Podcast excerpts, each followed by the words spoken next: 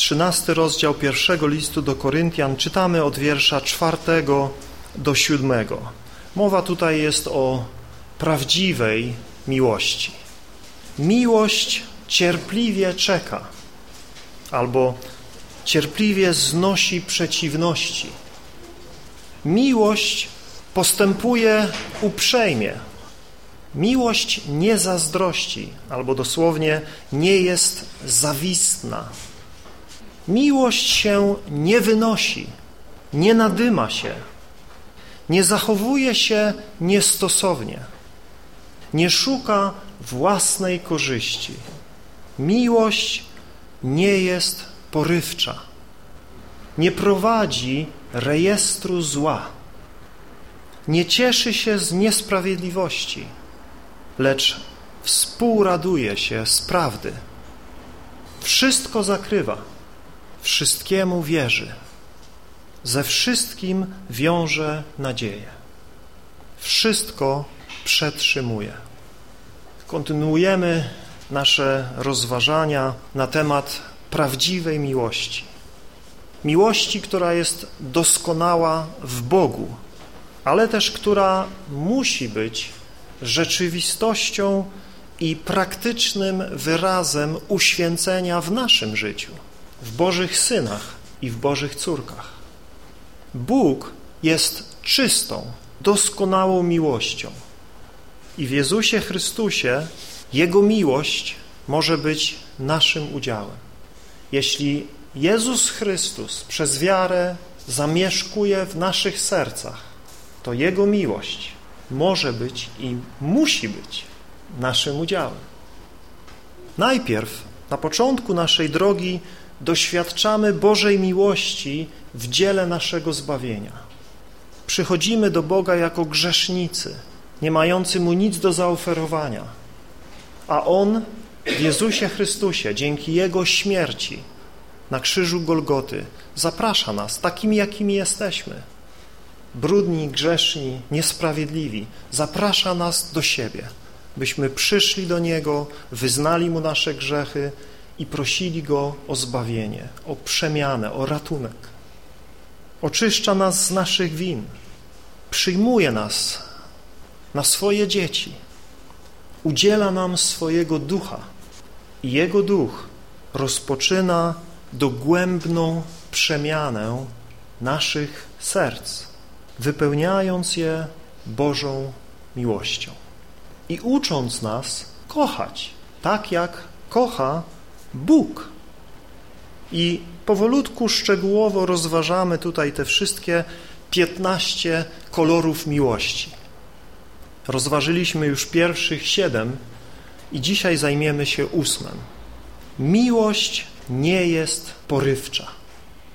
W innych tłumaczeniach miłość nie unosi się albo nie jest drażliwa. Albo jeszcze w innych miłość nie wpada w gniew. Użyte tutaj greckie słowo oznacza nagły wybuch, eksplozję, eksplozję gniewu. Zanim się przyjrzymy tej negatywnej stronie gniewu, musimy zadać sobie pytanie, czy gniew jest zawsze zły. Nasz tekst nie mówi, że miłość nigdy się nie gniewa. Nasz tekst natomiast mówi, że miłość nie gniewa się z byle powodu, że miłość nie eksploduje gniewem, nie prowadzi do szału, nie wyraża się w niepohamowanych, gniewnych słowach czy zachowaniach. W Biblii natomiast jest wiele fragmentów mówiących o słusznym gniewie. Słusznym gniewie Boga, spowodowanym niesprawiedliwością, niewiernością, obłudą i wszelkim złem. Gniew jest emocją, która może być dobra albo zła. Wszystko zależy od tego, co powoduje nasz gniew i do czego on nas prowadzi. W 17 rozdziale dziejów apostolskich czytamy o apostole Pawle, który przybywa do Aten i czekając na swoich przyjaciół, współtowarzyszy, współpracowników Sylasa i Tymoteusza, zwiedza miasto pełne kultu różnych pogańskich bóstw. W rezultacie widok tego miasta pogrążonego w bałwochwalstwie wprawia go w stan duchowego wzburzenia. Jest to dokładnie to samo słowo, które znajdujemy tutaj w pierwszym liście do Koryntian 13:5.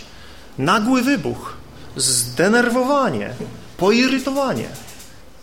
W przypadku apostoła Pawła był to właściwy rodzaj gniewu, ponieważ wynikał z opłakanego stanu tego wielkiego miasta, jego ślepej, fałszywej religijności. I oby w naszych sercach taki gniew się rodził, kiedy widzimy pustą, bezbożną religijność, kiedy widzimy bałwochwalstwo, kiedy widzimy zło, niesprawiedliwość. Ostatnio mówiliśmy o tym, jak to Pan Jezus zrobił bicz i oczyścił świątynię z handlarzy, którzy zamienili Boży dom modlitwy w jaskinię zbójców. Pan Jezus wpadł w gniew, widząc to, co działo się na dziedzińcu świątyni Bożej. Są więc sytuacje, które winny wywoływać w nas święte oburzenie, sprawiedliwe oburzenie. Jest czas na słuszny gniew z powodu bezbożności i wszystkiego, co przynosi hańbę imieniu Jezusa, co próbuje umniejszać chwałę Boga, podważać prawdę Jego słowa. To powinno w nas wywoływać gniew. Powinniśmy być oburzeni na tych, którzy podstępnie, kłamliwie nadużywają Pisma Świętego, na zwodnicze nauki fałszywych proroków przeinaczających Ewangelię Jezusa Chrystusa. Jakże się nie gniewać, widząc zgubny wpływ, jaki ci ludzie mają na biedne, zaślepione dusze. Miłość nie wyklucza więc słusznego gniewu, co oczywiście nie może być żadnym usprawiedliwieniem dla eksplozji złości, ponieważ ktoś się z nami nie zgadza, czy w jakiś sposób nas obraża. Wrażliwość na zło i przewinienia skierowane przeciwko Bogu jest duchową cnotą.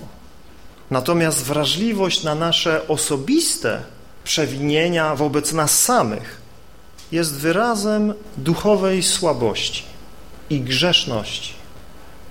Widzicie tą różnicę między tymi dwoma sprawami? Co innego jest gniewać się na rzeczy złe, niegodziwe, niesprawiedliwe, które godzą w naszego Boga lub drugiego człowieka. Co innego gniewać się dlatego, że my jesteśmy wrażliwi na naszym własnym punkcie i nam się coś odbiera, nas się czegoś pozbawia w naszym mniemaniu. Wstępuje się na nasze terytorium. To jest wielka różnica. A jeśli prowadzi to nas do niekontrolowanego zachowania, w którym tracimy nad sobą panowanie, wykrzykujemy gorzkie słowa, to musimy nazwać to tym, czym to jest grzechem. Co gorsza, ten grzeszny gniew prowadzi do wielu innych grzechów. Kaznodzieja Salomon w Księdze Przysłów wielokrotnie, ale to wielokrotnie przestrzega przed ludźmi, którzy łatwo tracą nad sobą panowanie, natomiast pochwala wszystkich, którzy opanowywują swoje negatywne emocje. Przypowieści 15-18 Człowiek porywczy wywołuje kłótnie, ale cierpliwy wycisza spory. 16:32 Lepszy jest cierpliwy niż bohater. A ten, kto panuje nad sobą, znaczy więcej niż zdobywca miasta. W tamtych czasach mówimy tutaj o najwyższych rangą ludziach. Przypowieści 29:11 Z głupca wychodzi cała jego złość. Mądry natomiast potrafi stłumić swój gniew. I ostatni fragment 29-22. Człowiek gwałtowny wszczyna kłótnię, a furiat popełnia wiele nieprawości. Ileż zła jest rezultatem niepohamowanego gniewu.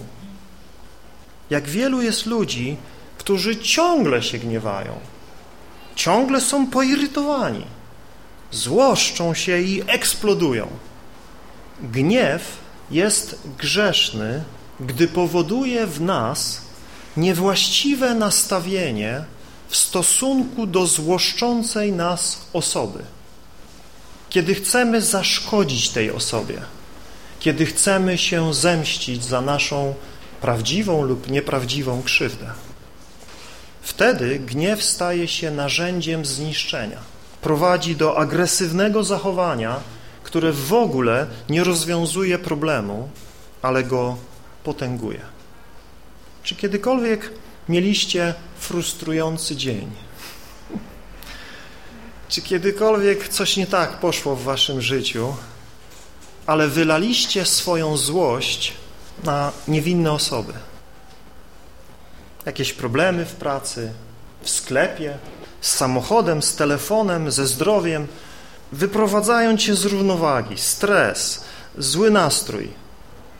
I za to dostaje się niewinnemu dziecku, mężowi, żonie, bratu, siostrze. Gniew jest grzeszny, gdy pojawia się bez uzasadnionego powodu. Czasami wpadamy w złość, ponieważ ktoś mówi nam na przykład coś, co powinniśmy usłyszeć. I w ogóle nie ma powodu, żeby się na to złościć i gniewać. Ale my wpadamy w złość, bo nam się to nie podoba.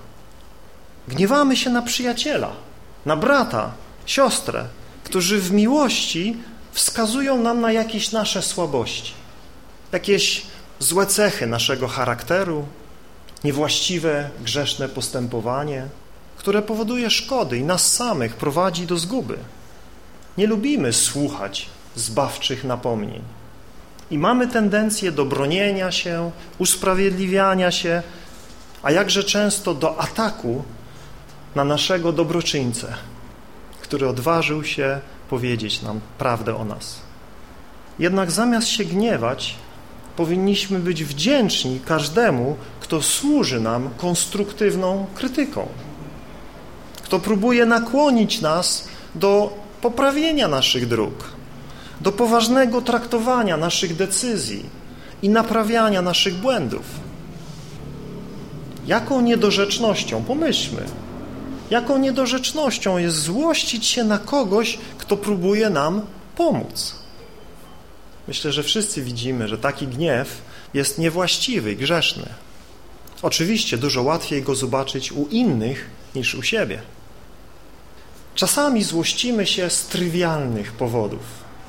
Niektóre rzeczy po prostu się zdarzają.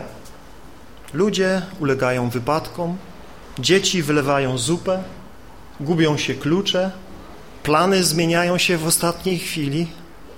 Jeśli będziemy się na to wściekać, to będziemy się wściekać cały czas.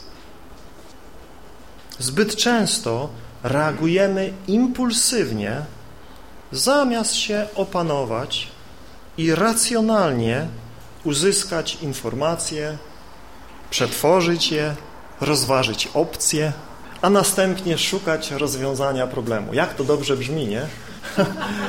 Tylko jak to robić? Jak tak żyć? A, to łatwo powiedzieć, ale jakże trudno to realizować. Dlaczego tak trudno?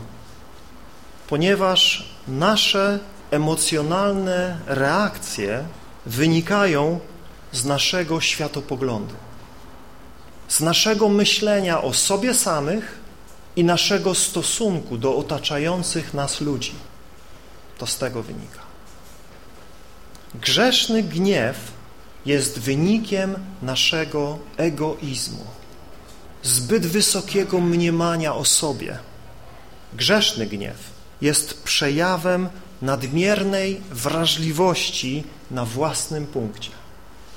Jestem tak ważny, że jeśli ktoś robi coś, co mi się nie podoba, to ja muszę zareagować. Muszę mu pokazać jego miejsce. Ktoś powiedział, że na tym świecie są dwa rodzaje ludzi. Są ci, którzy ciągle myślą o swoich prawach. Mam prawo do tego, mam prawo do tego, to mi się należy, tamto mi się należy, to jest moje i tak dalej, i tak dalej. Są tacy ludzie. I są drudzy ludzie, którzy ciągle myślą o swoich obowiązkach. Co do mnie należy, co ja mam robić. To są dwie kategorie ludzi, do której my się zaliczamy. Czy jesteśmy wśród tych, którzy ciągle mówią o swoich prawach, czy jesteśmy tymi, którzy ciągle wypełniają swoje obowiązki? A jaki jest nasz największy chrześcijański obowiązek? Kochać. To jest obowiązek każdego, kto się mieni chrześcijaninem. Kochać Boga i kochać drugiego człowieka. To jest nasz pierwszy i największy obowiązek. To takie proste. Można całą Biblię streścić w tym jednym słowie. Kochaj Boga i drugiego człowieka. Takie proste i takie trudne. Weźmy taki prosty życiowy przykład. Jedziesz samochodem, spieszysz się, masz ważne sprawy do zrobienia i między twoim samochodem a tym z przodu jest trochę miejsca, no bo zachowujesz bezpieczną odległość. I nagle jakiś kierowca wpycha się przed tobą. Co się dzieje? Jaka jest twoja reakcja? Spokojnie jedziesz dalej? Czy emocjonalny termometr idzie w górę? Pojawiają się gniewne myśli, obraźliwe słowa? Jeśli tak, to dlaczego? Zatrzymajmy się, spróbujmy to przeanalizować. Dlaczego? Bo trochę nas spowolnił? Że będziemy dwie sekundy później? Niech będzie minuta. Czy to ma jakieś znaczenie? Może ma, może jest to dla nas ważne, bo spieszymy się, tak? Mamy ważne sprawy. My, to nasze było miejsce, tak? To my byliśmy tu w kolejce następni. A pomyślmy, czy to ma jakiekolwiek znaczenie, że on też się gdzieś spieszył. Że on też gdzieś musiał dojechać. I skorzystał z możliwej opcji, którą miał. Czy to ma jakieś znaczenie dla nas? Jak sobie radzimy w takich codziennych, prozaicznych sytuacjach?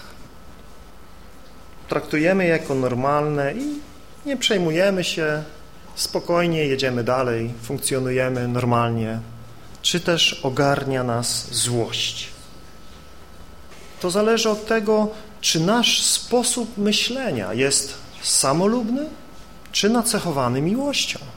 Jeśli się złościsz i irytujesz, to znaczy, że jesteś skupiony na sobie, na swoich sprawach, że tylko Twoje prawa mają znaczenie, Twoje terytorium jest nietykalne, a inni się nie liczą.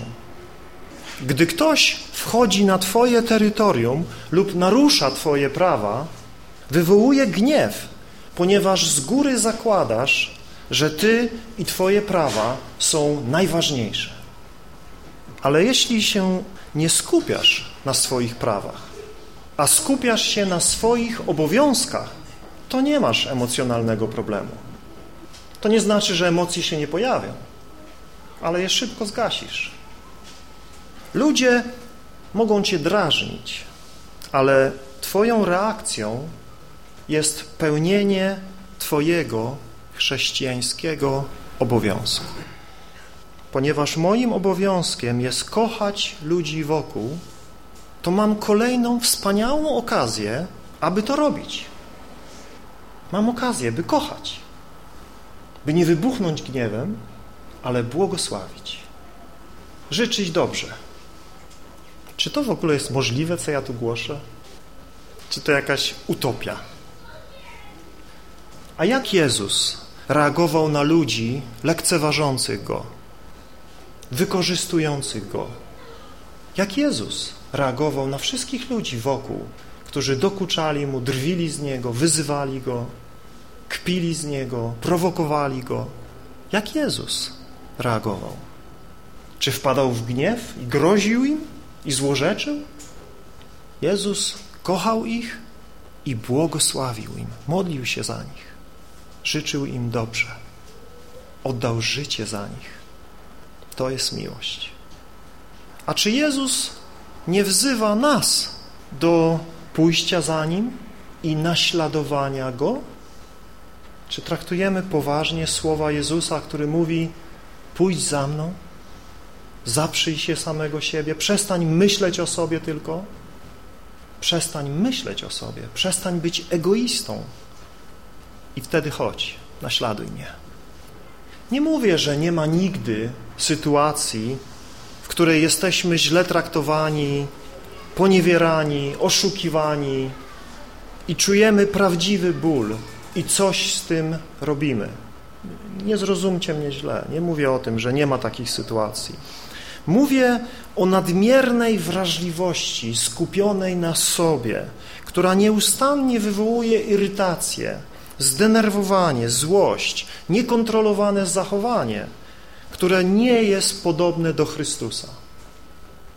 Niektórzy wierzący są tak egocentryczni, że krytykują wszystko, co im się nie podoba. Nawet sposób, w jaki inni się modlą, śpiewają lub w jaki służą Bogu.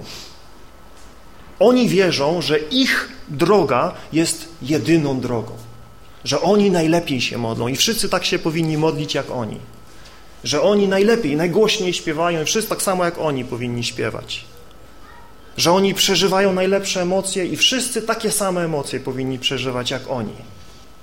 Wielu wierzących jest tak skoncentrowanych na sobie, że nawet w takim dziele jak wielbienie Boga nie potrafią dostrzec piękna różnorodności, jaką mamy w Kościele.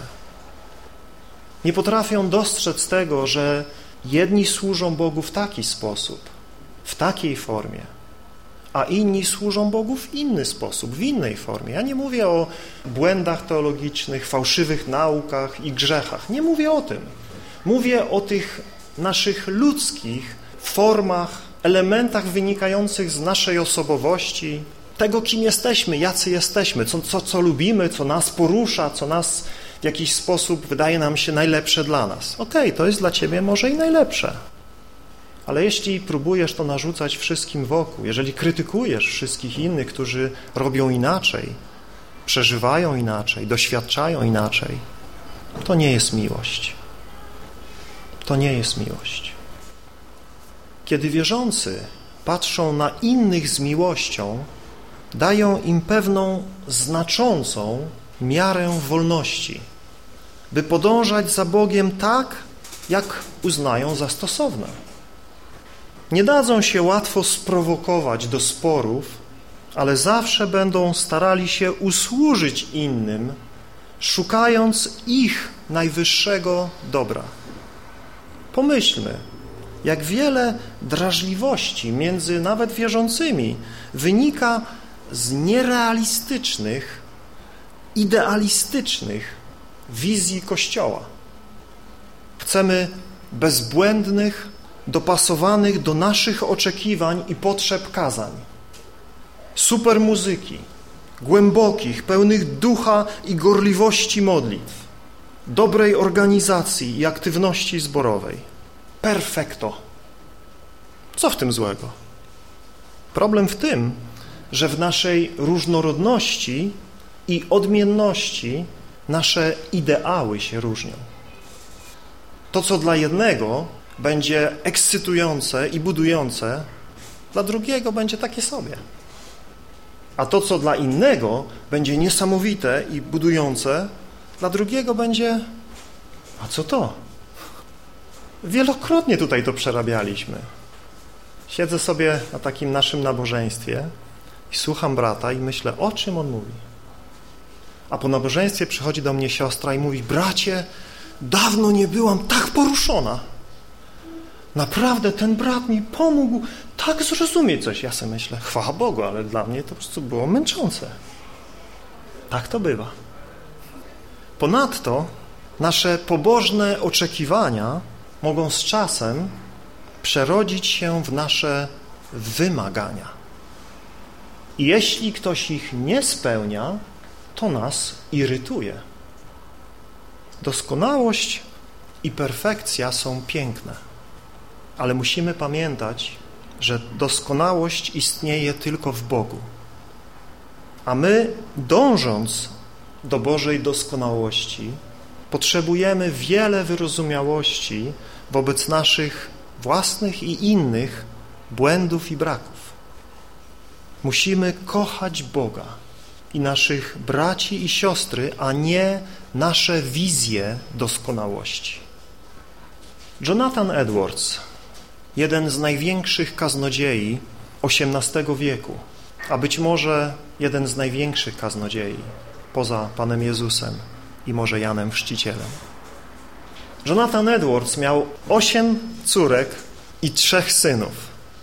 Jedna z jego córek miała wielkie problemy z kontrolowaniem swego temperamentu.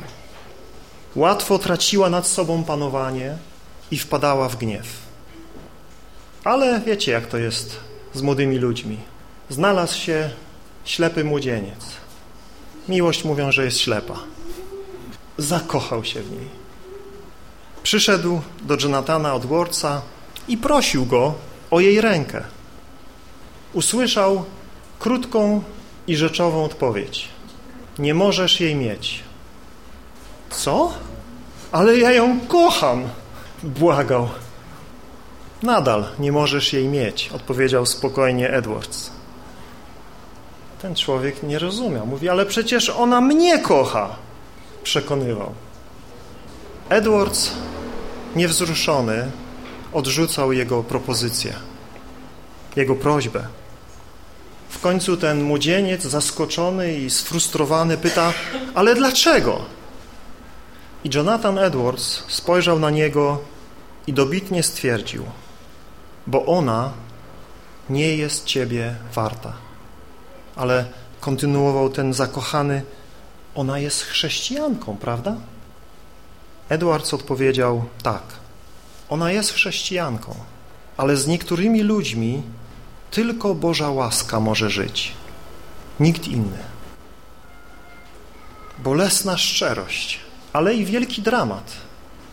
To bardzo, ale to bardzo tragiczne, gdy nikt nie może nas znieść, tylko jeden dobry Bóg.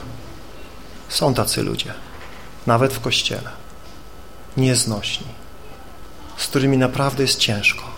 Co otworzą swoje usta, to jakieś niedobre rzeczy. Wierzą w Jezusa, wyznają Go swoim Panem, mówią, że narodzili się na nowo, ale naprawdę ciężko z nimi być, ciężko z nimi żyć, a mieć takiego męża czy żonę, ludzie, masakra. Jestem przekonany, że Boża łaska nie tylko przyprowadza nas do Boga bez naszych zasług, przez czystą, prostą, dziecięcą wiarę i czyni nas umiłowanymi dziećmi Boga, nie po to, żeby nas zostawić, w takim stanie, w jakim przyszliśmy do Boga. Ale ta Boża łaska, która nas na początku przyjęła w Jezusie Chrystusie, dalej ma w nas skutecznie działać, oczyszczając nas z wszystkiego, co nie jest Chrystusowe i przemieniać nas na obraz Pana Jezusa, aby inni wokół nas lgnęli do nas, cieszyli się z naszej obecności, byli zbudowani naszą obecnością, naszymi słowami, naszym zachowaniem.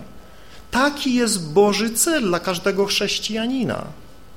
Nie wolno nam tolerować niczego w naszym życiu, co jest zaprzeczeniem Chrystusa i Jego miłości.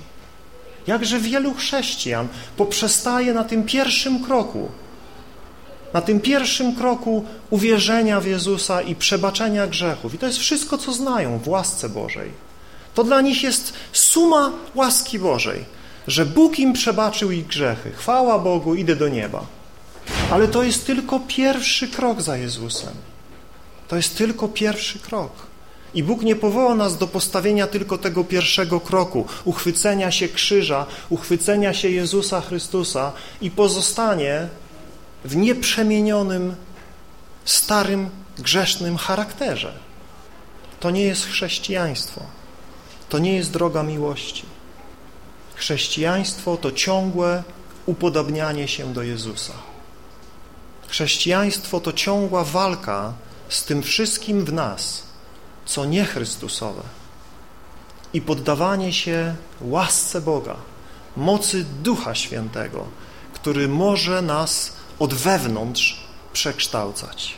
Bóg zbawił nas, aby upodobnić nas do swego umiłowanego Syna. To jest cel naszego zbawienia. To jest to, na czym ciągle winniśmy mieć nasze oczy. Dorastać do pełni wymiarów Chrystusa. Bóg udzielił nam swego ducha i wszelkiego błogosławieństwa niebios, aby realizować to wielkie dzieło. Jesteśmy w Chrystusie, Jego dziełem, czytamy, stworzeni do dobrych uczynków, abyśmy w nich chodzili. Bracia i siostry, nie ustawajmy w modlitwie i pracy nad naszym charakterem, polegając na niewyczerpanej łasce naszego niebiańskiego Ojca.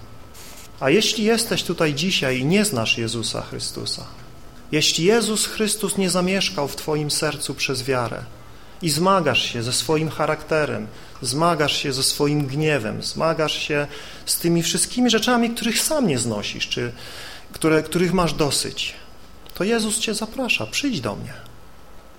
Nie zapraszamy Cię do naszego kościoła, zapraszamy oczywiście, tak, ale zapraszamy Cię do Jezusa, do tego, który Cię umiłował i zszedł na tą ziemię, oddał życie za Ciebie, żebyś nie żył w niewoli grzechu, żebyś nie zginął, ale żebyś miał życie wieczne, żebyś poznał życie Boga, miłość Boga, dobroć Boga.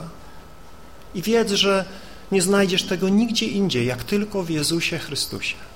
On jest jedynym, który może Cię zbawić z Twojego grzechu, z tego złego charakteru, z którym wszyscy się rodzimy. Tylko Jezus Chrystus jest jedyną nadzieją. I zachęcam Cię, jeśli jesteś tutaj dzisiaj i jeszcze nie oddałeś swojego serca Jezusowi Chrystusowi, uczyń to dzisiaj. Nie odstawiaj tego na jutro, nie czekaj na lepszy czas, nie czekaj na starość. Biblia mówi dzisiaj, jeśli usłyszycie Jego głos, nie zatwardzajcie swoich serc. Dzisiaj, Biblia mówi, jest dzień łaski. Dzisiaj jest dzień zbawienia. Powstańmy do modlitwy, proszę. Dziękujemy, nasz drogi Boże, za wielki dar Pana Jezusa Chrystusa, który przyszedł na ten świat, aby nas zbawić z naszych grzechów, aby oczyścić nas z nieprawości, aby zabrać z nas te egoistyczne, samolubne serca i dać nam nowe serca, serca kochające Ciebie, serca kochające ludzi wokół nas. Prosimy, kochany Boże, byś w każdym z nas kontynuował to dzieło przemiany, pomagając nam odwrócić się i odwracać się każdego dnia od naszego egoizmu, samolubstwa, szukania swego, przychodzić do Ciebie, który jesteś źródłem życia, przychodzić do Ciebie, który masz moc nas zbawić od wszelkiego zła, uratować od naszego grzechu, uratować od gniewu.